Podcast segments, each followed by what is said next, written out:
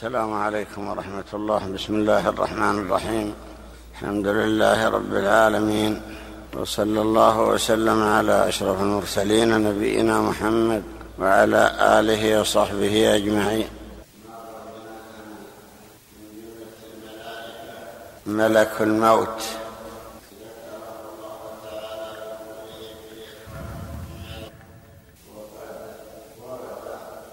في ذكره أدلة وأحاديث مر بنا أنه أن الله تعالى يزوي له الأرض حتى تكون أمامه كالطست.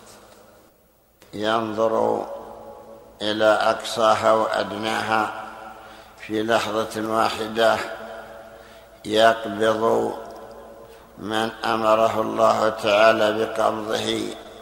من الأموات ونحوهم. ذكر في هذه الآية أنه ملك. قل يتوفاكم ملك الموت. وذكر في آية أخرى الملائكة في قوله تعالى حتى إذا جاء أحدكم الموت توفته رسلنا وهم لا يفرطون قيل معناه إذا جاءه ملك الموت. توفته رسلنا ويكون المعنى أن ملك الموت يقبض روحه ثم تقبض تلك الروح ملائكة يرسلهم الله تعالى فيتوفونه. ورد دليل ذلك في حديث في حديث البراء الطويل. وفيه أن العبد إذا كان في إقبال من الآخرة وانقطاع من الدنيا نزلت إليه ملائكة بيض الوجوه معهم أكفان من الجنة وحنوط من الجنة وياسمين من الجنة.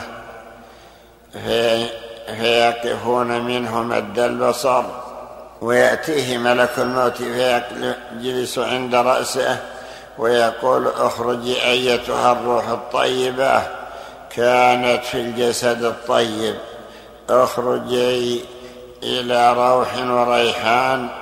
ورب غير غضبان فتسل روحه من جسده كما تسل الشعرة من العجين.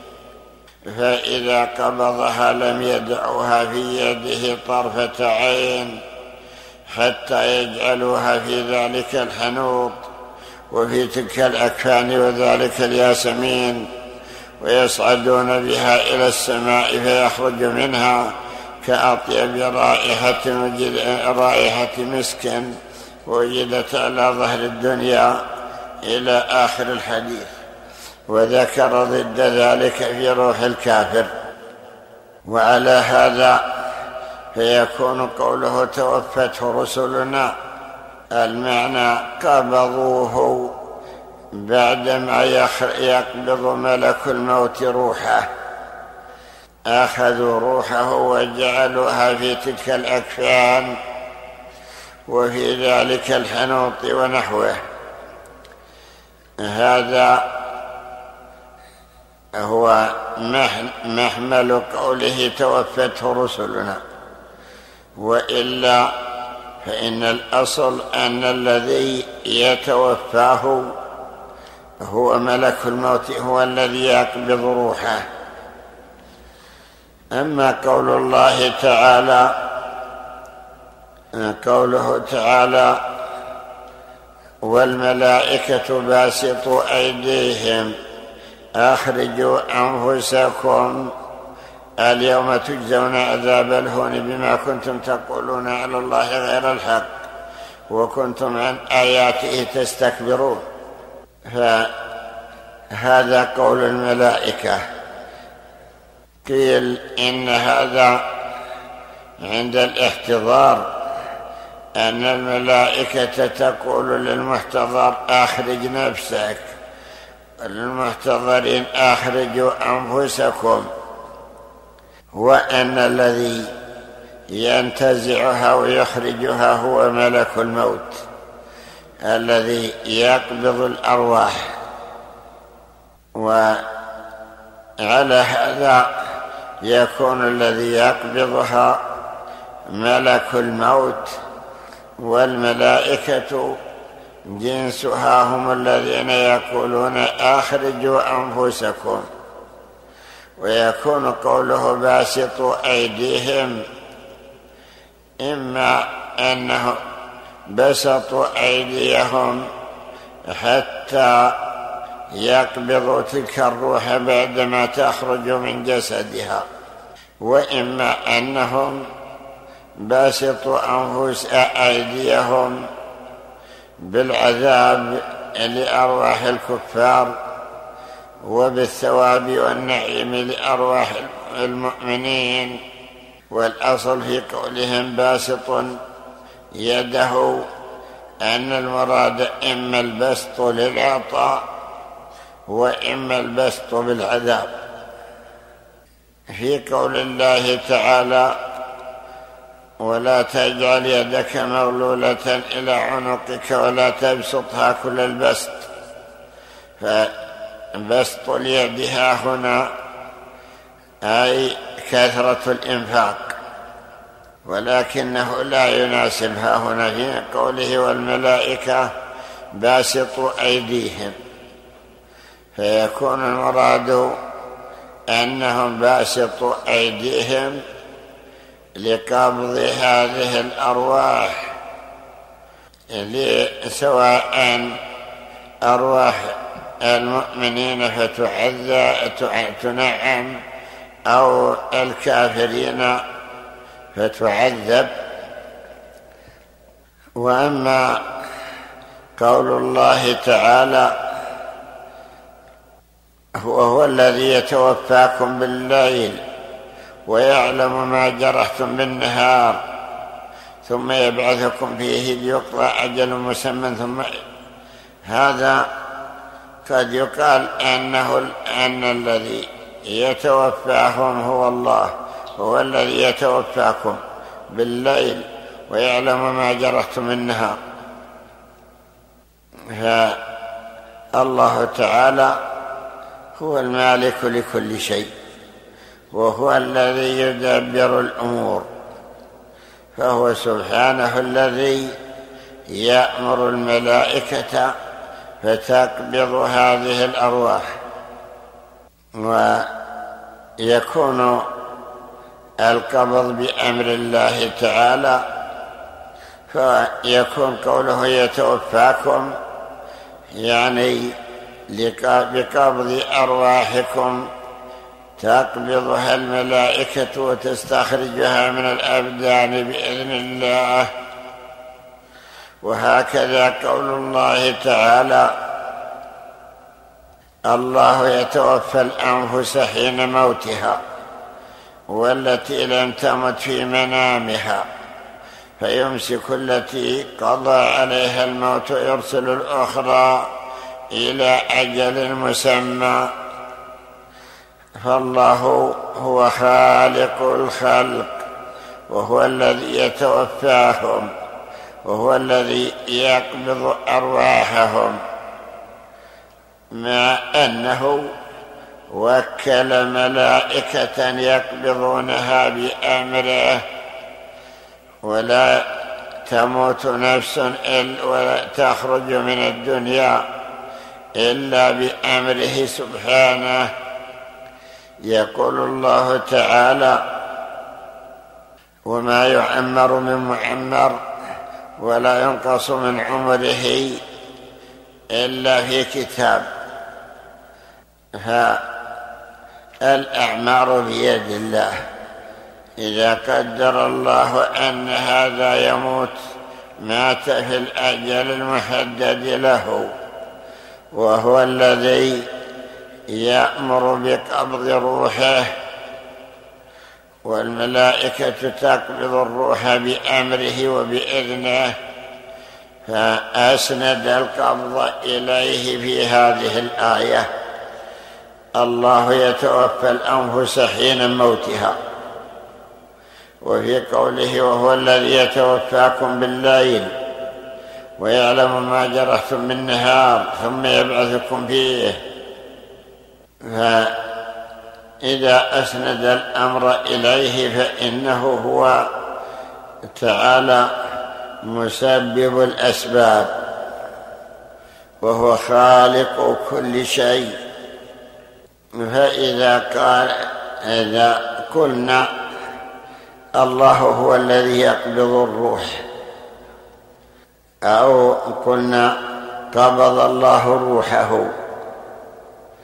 فإن روحه خرجت بأمر الله وبقضائه وأرسل إليها ملك الموت وقبضها الموت ملك الموت وقبضتها أيضا الملائكة الذين قبضوها وأخذوها من من ملك الموت. فلا منافاة بين هذه الآيات. إذا قلنا الله هو الذي يقبض الروح أو يقبض الأرواح ملك الموت أو ملائكة الملائكة هم الذين يقبضون أرواح العباد فالجميع لا منافاة بين ذلك بل كلها يصدق عليها أنها يصدق عليها أنها متفقة. الله هو الذي يقبضها يعني بأمره والملك هو الذي يقبضها الذي وكل بها. قل يتوفاكم ملك الموت الذي وكل بكم وأعوانهم الذين يقبضونها بأمره يأخذونها من أيديه ثم يرسلونها إلى حيث شاء الله. قد عرفنا أن الأرواح التي تحيا بها الأجساد قد حجب الله عنا صفتها. فليس أحد يتصور أو يتمثل صورة هذه الروح التي هي خلق من خلق الله. عجز البشر أن يعرفوا ماهيتها. ولذلك لما سأل المشركون نبي الله صلى الله عليه وسلم أخبرنا عن الروح. ما هي الروح؟ أنزل الله تعالى ويسألونك عن الروح. قل الروح من أمر ربي وما أوتيتم من العلم إلا قليلا. من أمره يعني بأمره توجد بأمره وتخلق بأمره فهي من أمره. أي خلقت بأمره. وكل شيء يخلق بأمر الله. قال تعالى إنما أمره إذا أراد شيئا أن يقول له كن فيكون. فهي مخلوقة بأمر الله سبحانه وتدخل في جملة المخلوقات. في قوله تعالى الله خالق كل شيء فالأرواح شيء. فهي مخلوقة. وكل مخلوق فالله تعالى هو الخالق له. ولا شك أنها شيء موجود. ولكن قصرت عنها معرفتنا. لم ندري من, ما من أي شيء هي. إذا خرجت روح الإنسان من جسده وحوله أهله ما رأوها ما أبصروها. وكذلك أيضا من جملة الأرواح الملائكة ما نراهم تخرقهم الأبصار ولا ليس لهم أجساد مشاهدة يكون لها ظل وتحجب الظل أو تحجب ما وراءها فينزل ملك الموت ولا يراه أحد وتخرج الروح ولا يراها أحد من البشر. هذا دليل على عظمة الخالق الذي خلق الأجساد وجعل لها ثقلا ووزنا مشاهدا وخلق الأرواح ولم يجعل لها وزنا ظاهرا ولم يجعل لها صورا واضحة مشاهدة. فأرواح بني آدم لا ندري ماهيتها ولكن نتحقق أنها إذا خرجت من الجسد بقي الجسد ميتا ليس فيه حركة وبقاؤها فيه سبب لحياته. ونتحقق أيضا أن هناك خلق من خلق الله من جنس هذه الأرواح لا نراهم. قال الله تعالى عن الشياطين إنه يراكم هو وقبيله أي جنسه من الشياطين من حيث لا ترونهم. وقد كثر كلام أهل العلم في حقيقة الروح. من أي شيء هي؟ ذكرنا أن ابن القيم رحمه الله عرفها بأن الروح جسم خفيف علوي حي متحرك نوراني يسري في الجسد كما تسري النار في الفحم وكما يسري الدهن في العود. فما دام هذا الجسد قابلا لهذه الإفاضات من هذه الروح فإنه يبقى حيا متحركا. فإذا أذن الله بخراب هذا الجسد فأرقته هذه الروح وخرجت حيث شاء الله. ثم قد اختلف أين تذهب هذه الأرواح بعد قبضها. فمن العلماء من يقول إن أرواح المؤمنين في الجنة وأرواح الكفار في النار.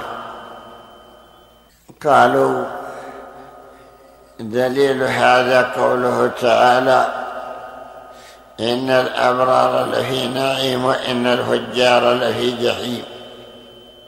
يعم ذلك الدنيا والآخرة. والبرزخ الذي هو بينهما. كذلك قال تعالى إن كتاب الأبرار لفي عليين.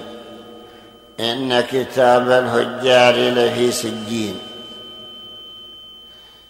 قيل إن كتابهم يعني أسماءهم وقيل أرواحهم وقد اتفق على أن الأرواح بعد أجسادها بعد خروجها من الأجساد باقية ليست معدومة.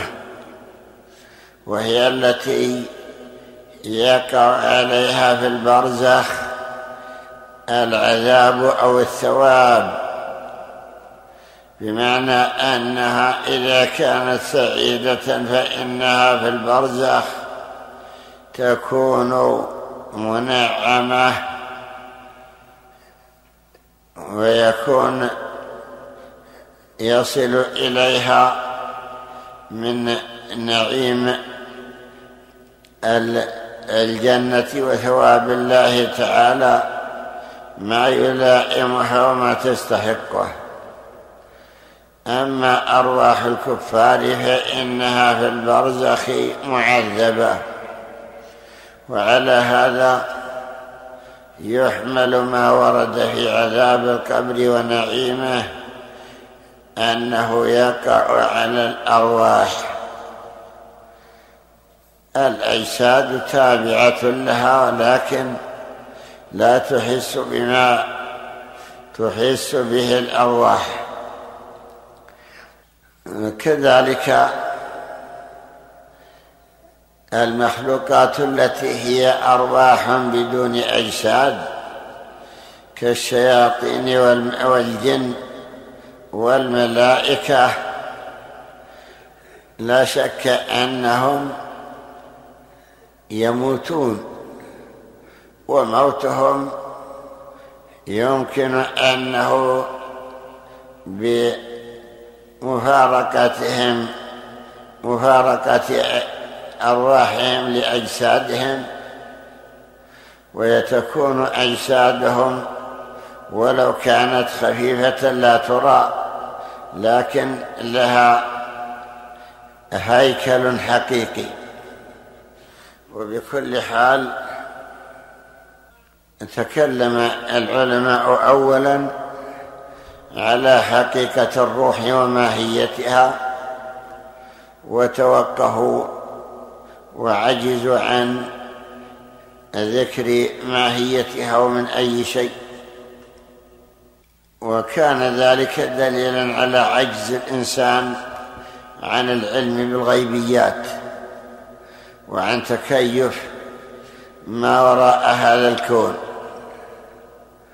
ثم تكلموا عن أن الروح مخلوقة. وأن الأرواح كانت معدومه ثم خلقت لأنها شيء والله خالق كل شيء. ثم تكلموا عن بقائها وأنها باقية وأن موتها خروجها من هذه الأجساد. فإنها بهذا الخروج تتألم.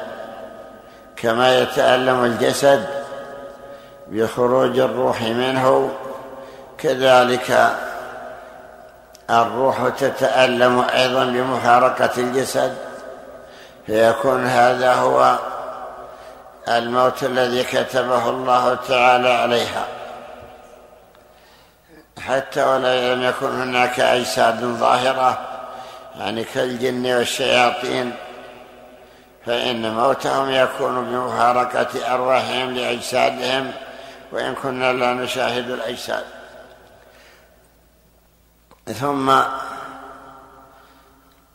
إن قبض هذه الأرواح ومفارقتها لأجسادها في الدنيا سهل يسير على الله تعالى. ولو كانت كثيرة يعني ولو كان يموت في الدقيقة الواحدة مئات الالوف من الخلق في شرق الأرض وغربها قدرة الله عامة بمعنى أنه يقدر ويوكل الملائكة ومنهم ملك الموت على أنه يقبض ما قدر الله تعالى قبضه من هذه الأرواح في أية ساعة أو لحظة يقدرها الله تعالى. الله قادر على كل شيء ولا يعجزه شيء. إذا قلنا إن الله تعالى لا يشغله شأن عن شأن ولا يشغله سمع عن سمع فأقدر الله هذا الملك ملك الموت على أن لا يشغله قبض روح هذا عن قبض روح الثاني. فكل منهم قد يأمره الله تعالى بقبضه في أية لحظة ولا يشق عليه قبض الأرواح في ساعة واحدة. ولا شك أن هذا دليل على عظمة الخالق سبحانه كيف أنه خلق هذا الخلق الذي هو ملك الموت وكيف أنه قدر قبضه للأرواح وكيف أنه زوى له الأرض وقرب بعضها إلى بعض. حتى كانت أمامه كأنها طست. وكذلك أيضا كيف أنه ملك واحد يقبض الأرواح مع كثرتها في آن واحد. قد يكون ذلك لكبر ذاته أنه لا يحيط بعظمته إلا الله تعالى أو لخفته كما شاء الله. قد مر بنا أن بعضا من الملائكة خلقهم الله في ذوات كبيرة لا يحيط بها إلا الله. منهم كما ذكر إسرافيل الذي هو موكل بالنفخ في الصور والذي ذكروا أن العرش أن زاوية من زوايا العرش على كتفه فوق السماء السابعة وأن رجلاه تحت الأرض السابعة السفلى. من يحيط به إلا خالقه. وكذلك قال صلى الله عليه وسلم أذن لي أن أن أحدث عن ملك من الملائكة ما بين شحمة أذنه إلى عاتقه مسيرة خمسمائة سنة أو كما في الحديث. وإذا كانت هذه عظمة هذه المخلوقات فكيف بعظمة الخالق؟ فإنه أعظم من كل شيء وأكبر من كل شيء. وإذا استحضر العابد عظمة ربه وجلاله وكبرياءه صغرت عنده الدنيا وصغرت عنده نفسه وحرص على أن يتواضع لله وأن يعبد الله تعالى حق عبادته. فهذا من آثار معرفة هذه المخلوقات من الملائكة أو من غيرهم. الآن نقرأ في كلام أبي الشيخ. بسم الله الرحمن الرحيم. الحمد لله رب العالمين. الصلاة والسلام على أشرف المرسلين نبينا محمد وعلى آله وصحبه أجمعين. قال رحمه الله تعالى ذكر حملة العرش وعظم خلقهم. قال حدثنا إبراهيم حدثنا ابن زهير النسابوري وعبد الله بن العباس الطيالسي قال حدثنا أحمد بن حفص قال حدثني أبي قال حدثني إبراهيم بن طهمان عن موسى بن عقبة عن محمد بن المنكدر عن جابر رضي الله عنه عن النبي أن عنه أن النبي صلى الله عليه وسلم قال: أذن لي أن أحدث عن ملك من الملا من ملائكة الله عز وجل من حملة العرش ما بين شحمة أذنه إلى عاتقه مسيرة خمسمائة عام أو قال خمسين عاما. قال حدثنا عبد الغفار بن أحمد الحمصي قال حدثنا ابن مصفى. قال حدثنا قال حدثنا يحيى بن سعيد عن إسماعيل عن الأحوص بن حكيم عن شهر بن حوشب عن ابن عباس رضي الله عنهما أن رسول الله صلى الله عليه وسلم خرج على أصحابه فقال ما جمعكم؟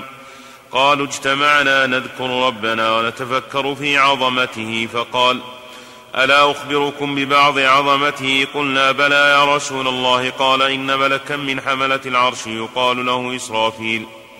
زاوية من زوايا العرش على كاهله قد, قد, قد مرقتا قدماه في الأرض السفلى ومرق رأسه من السماء السابعة العليا في مثله من خليقة ربكم تبارك وتعالى. قال حدثنا محمد بن العباس بن أيوب قال حدثنا أحمد بن محمد بن سعيد قال حدثنا زيد بن الحباب قال حدثنا أبو السمح قال حدثني أبو قبيل أنه سمع عبد الله رضي الله عنه يقول حملة العرش ما بين موقع أحدهم إلى مؤخر عينيه مسيرة خمسمائة عام.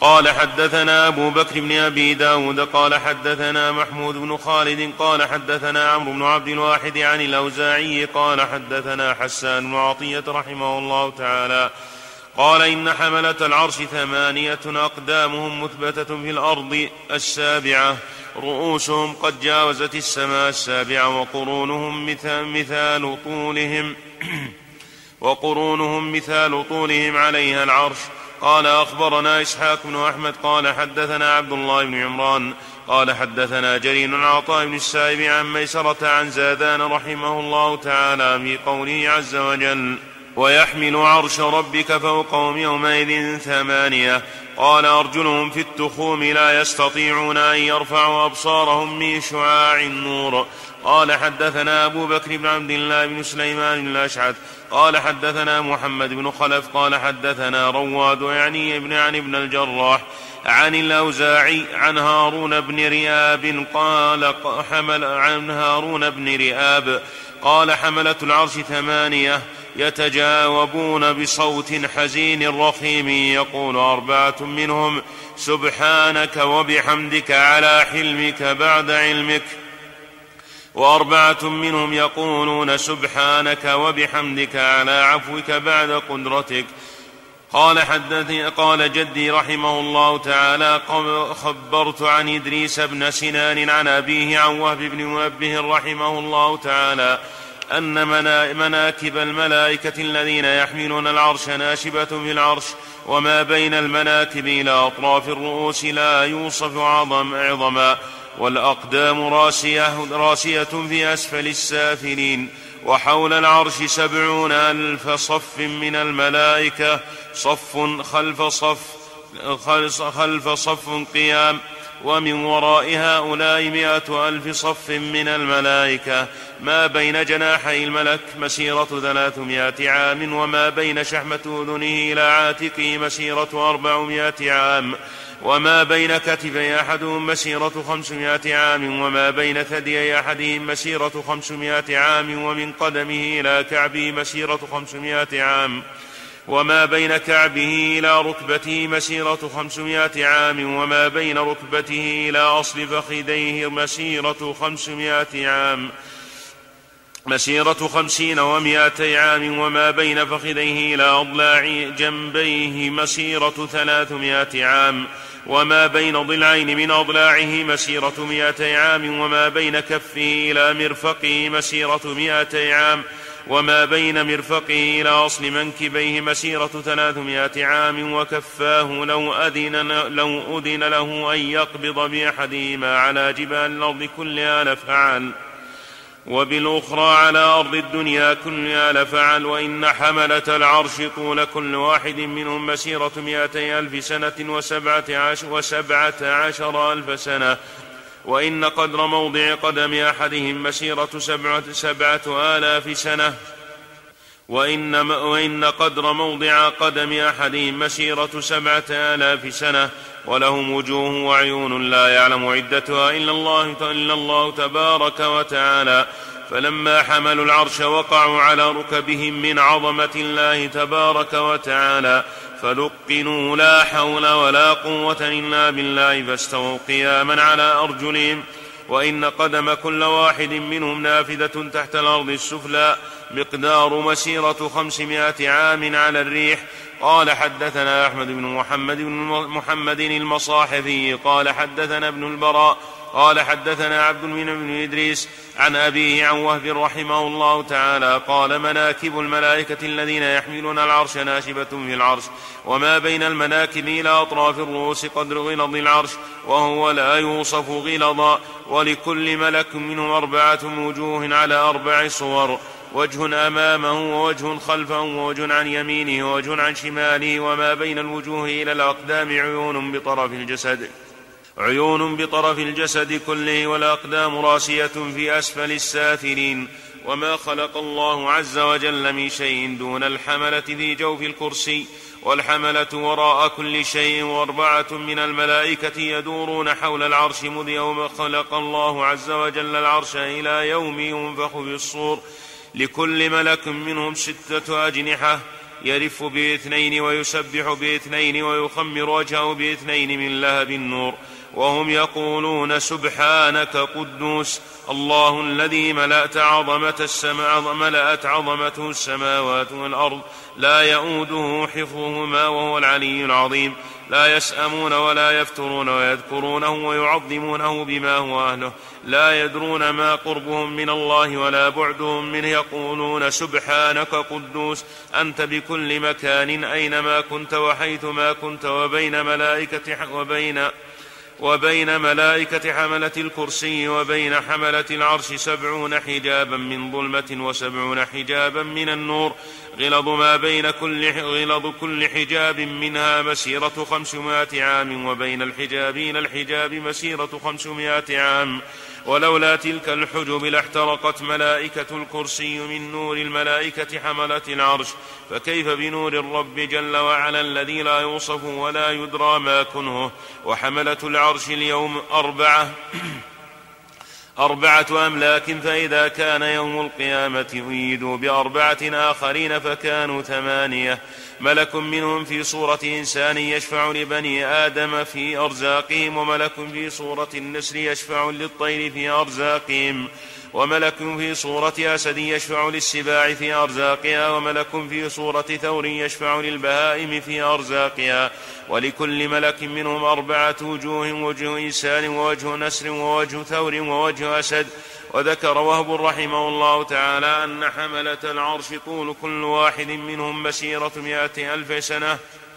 مائتي ألف سنة وسبعة عشر ألف سنة وإن قدر موضع قدم أحدهم مسيرة سبعة آلاف سنة ولهم وجوه وعيون ما لا يعلم عدتها إلا الله تبارك وتعالى. فلما حملوا العرش وقعوا على ركبهم من عظمة الله عز وجل فلقنوا لا حول ولا قوة إلا بالله. فاستووا قياما على أرجلهم وإن قدمي كل واحد منهم نافذة تحت الأرض الأرضين السفلى. الأرضين السفلى مقدار مسيرة خمسمائة عام على عام على الريح. يحمدون الله عز وجل ويعظمونه ويسبحونه ويمجدونه لا يفترون يقولون لا إله إلا الله ذو العرش المجيد الرفيع. ثم يستغفرون للمؤمنين والمؤمنات.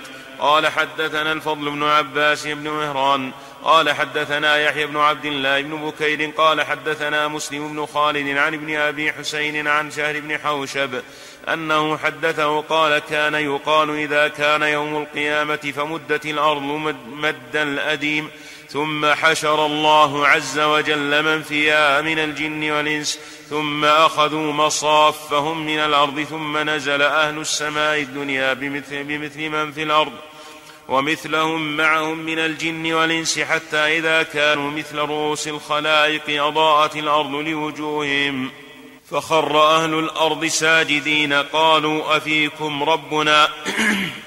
قالوا ليس فينا وهو آت ثم أخذوا مصافهم ثم نزل أهل السماء الثانية كمثلي من في الأرض من الجن والإنس والملائكة ثم نزل أهل السماوات على قدر ذلك من التضعيف أضعاف في الشدة والقوة والنجدة والشجاعة والغلظة والعظمة. ملائكة متراصة أقدامهم مستقة مناكبهم متلازقة أكتافهم أنصافهم. وقال سبحان الله وبحمده خلق الله من كلمته تلك ملكا. فيذهب إلى السماء الرابعة فيغتسل في نهر يقال له الحياة.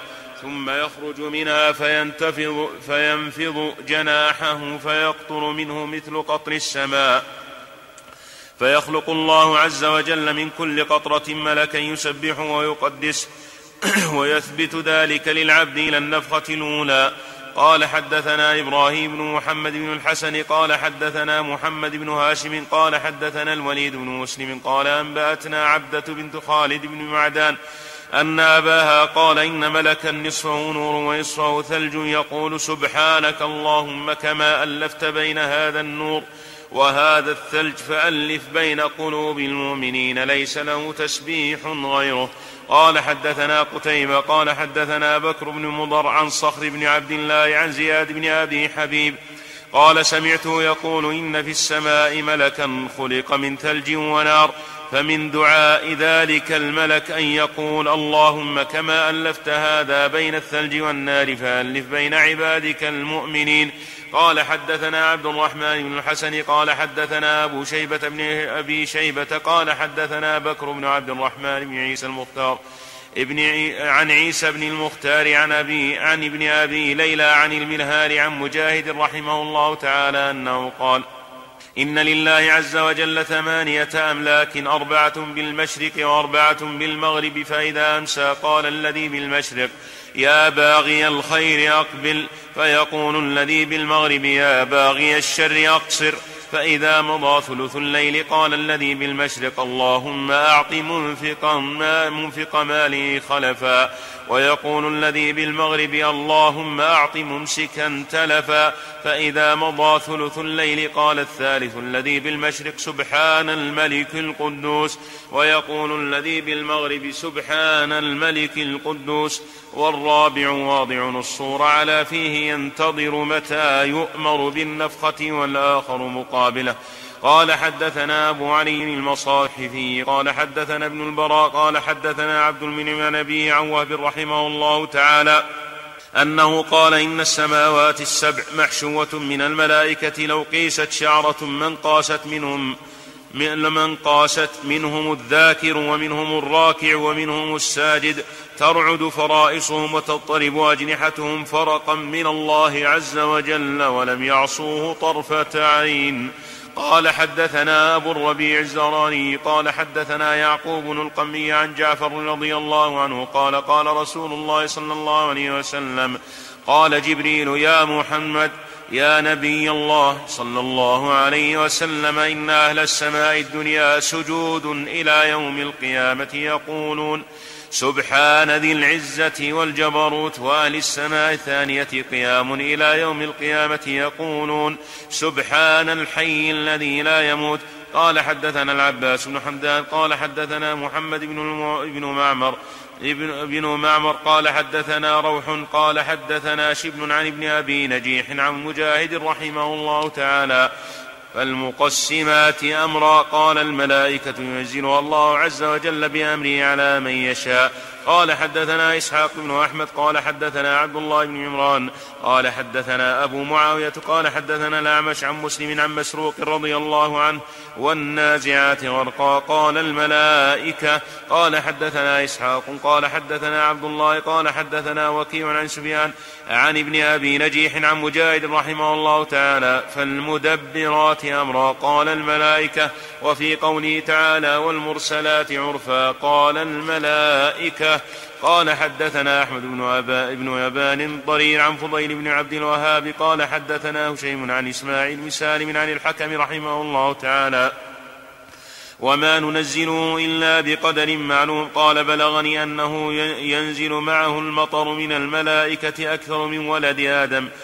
وولد إبليس يحصو يحصو يحصون كل قطرة وأين تقع؟ ومن يرزق ذلك النبات ومن يرزق ذلك النبات قال حدثنا إبراهيم بن محمد بن الحسن قال حدثنا محمد بن عمرو الحمصي قال حدثنا بقية قال حدثنا محمد بن زياد قال سمعت محمد بن شريح التيمي قال سمعت كعبا رحمه الله تعالى يقول لو تجلى لابن آدم عن بصر لو تجلى لابن آدم عن بصره لرأى على كل جبل وسهل شيطانا كلهم باسط إليه يده فاغر إليه فاه يريدون هلكته فلولا أن الله عز وجل وكل بكم ملائكة يدبون عنكم من بين أيديكم ومن خلفكم وعن أيمانكم وعن شمائلكم بمثل الشهب لتخطفوكم.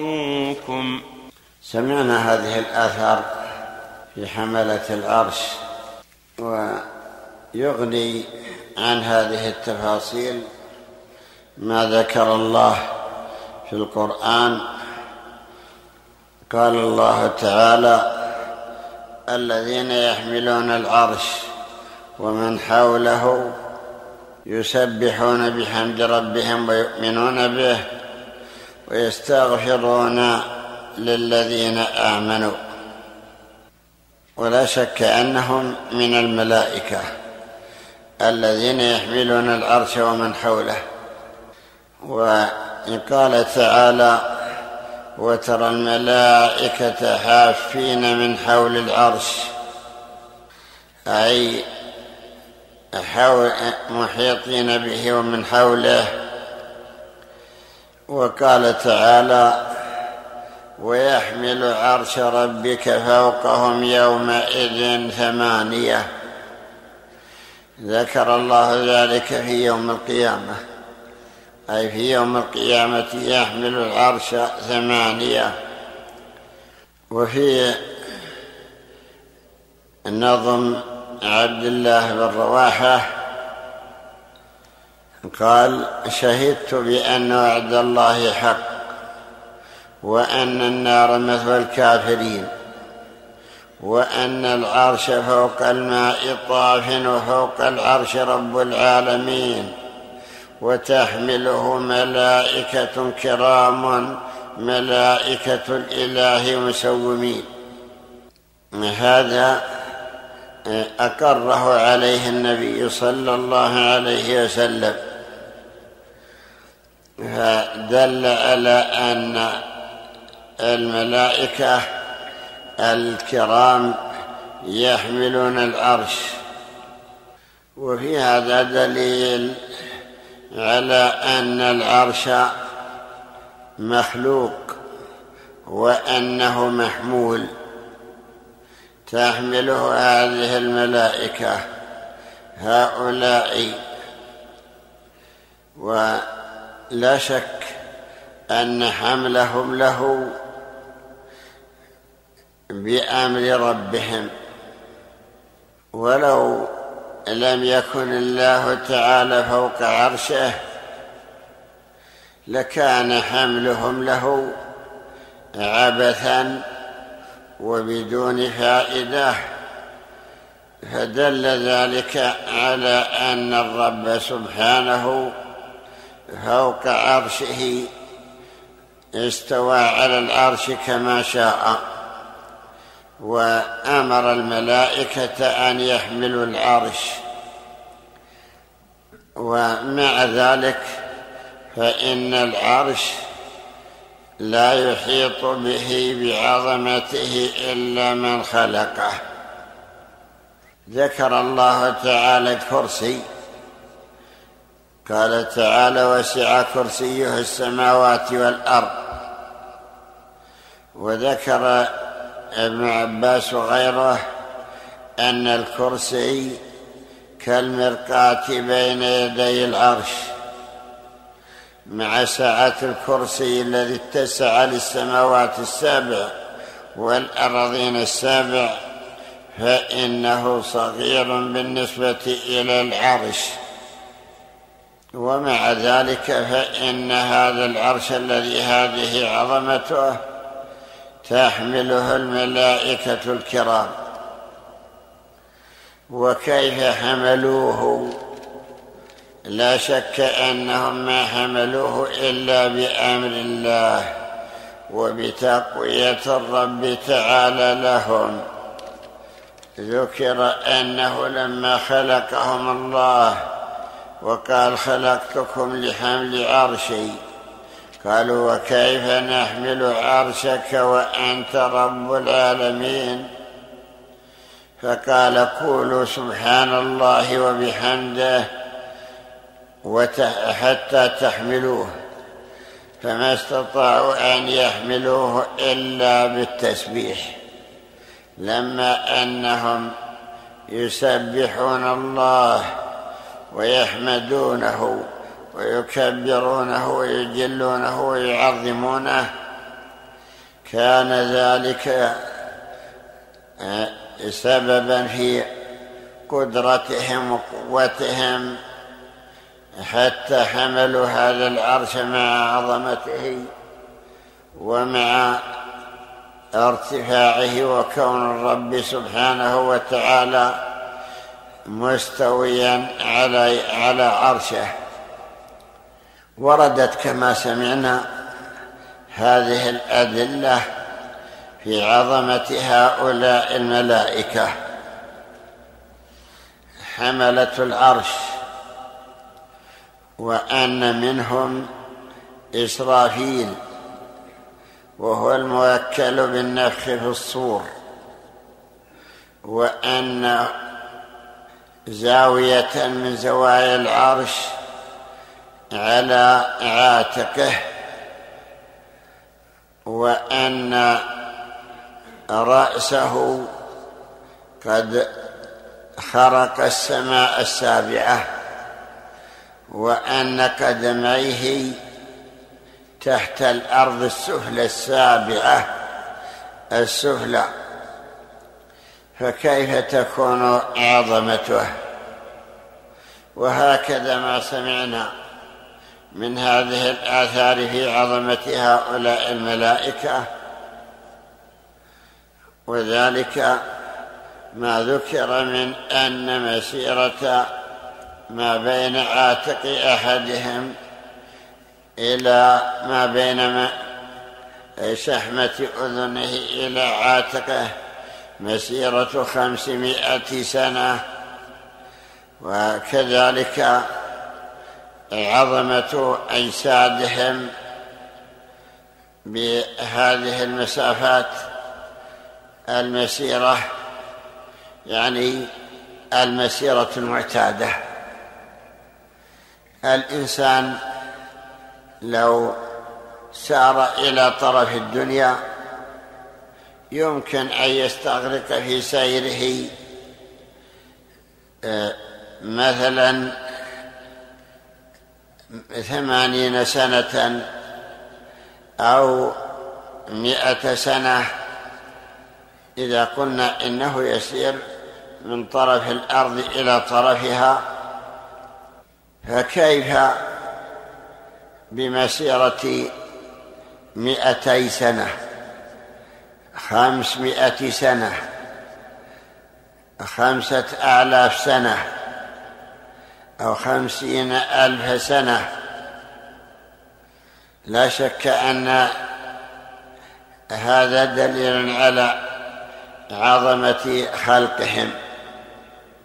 إذا كان هذه عظمة خلقهم ورد أن ما بين السماء الدنيا والأرض مسيرة خمسمائة سنة. من الأرض التي نحن عليها إلى السماء الدنيا التي ركبت فيها هذه النجوم والشمس والقمر مسيرة خمسمائة سنة. وأن ما بين كل سماء والتي تليها مسيرة خمسمائة سنة. وأن ما بين الأرض وبين الأرض الأخرى مسيرة خمسمائة سنة.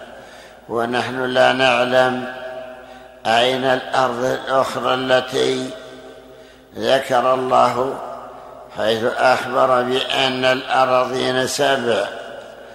قال تعالى الله الذي خلق سبع سماوات ومن الأرض مثلهن أي سبع أراضين.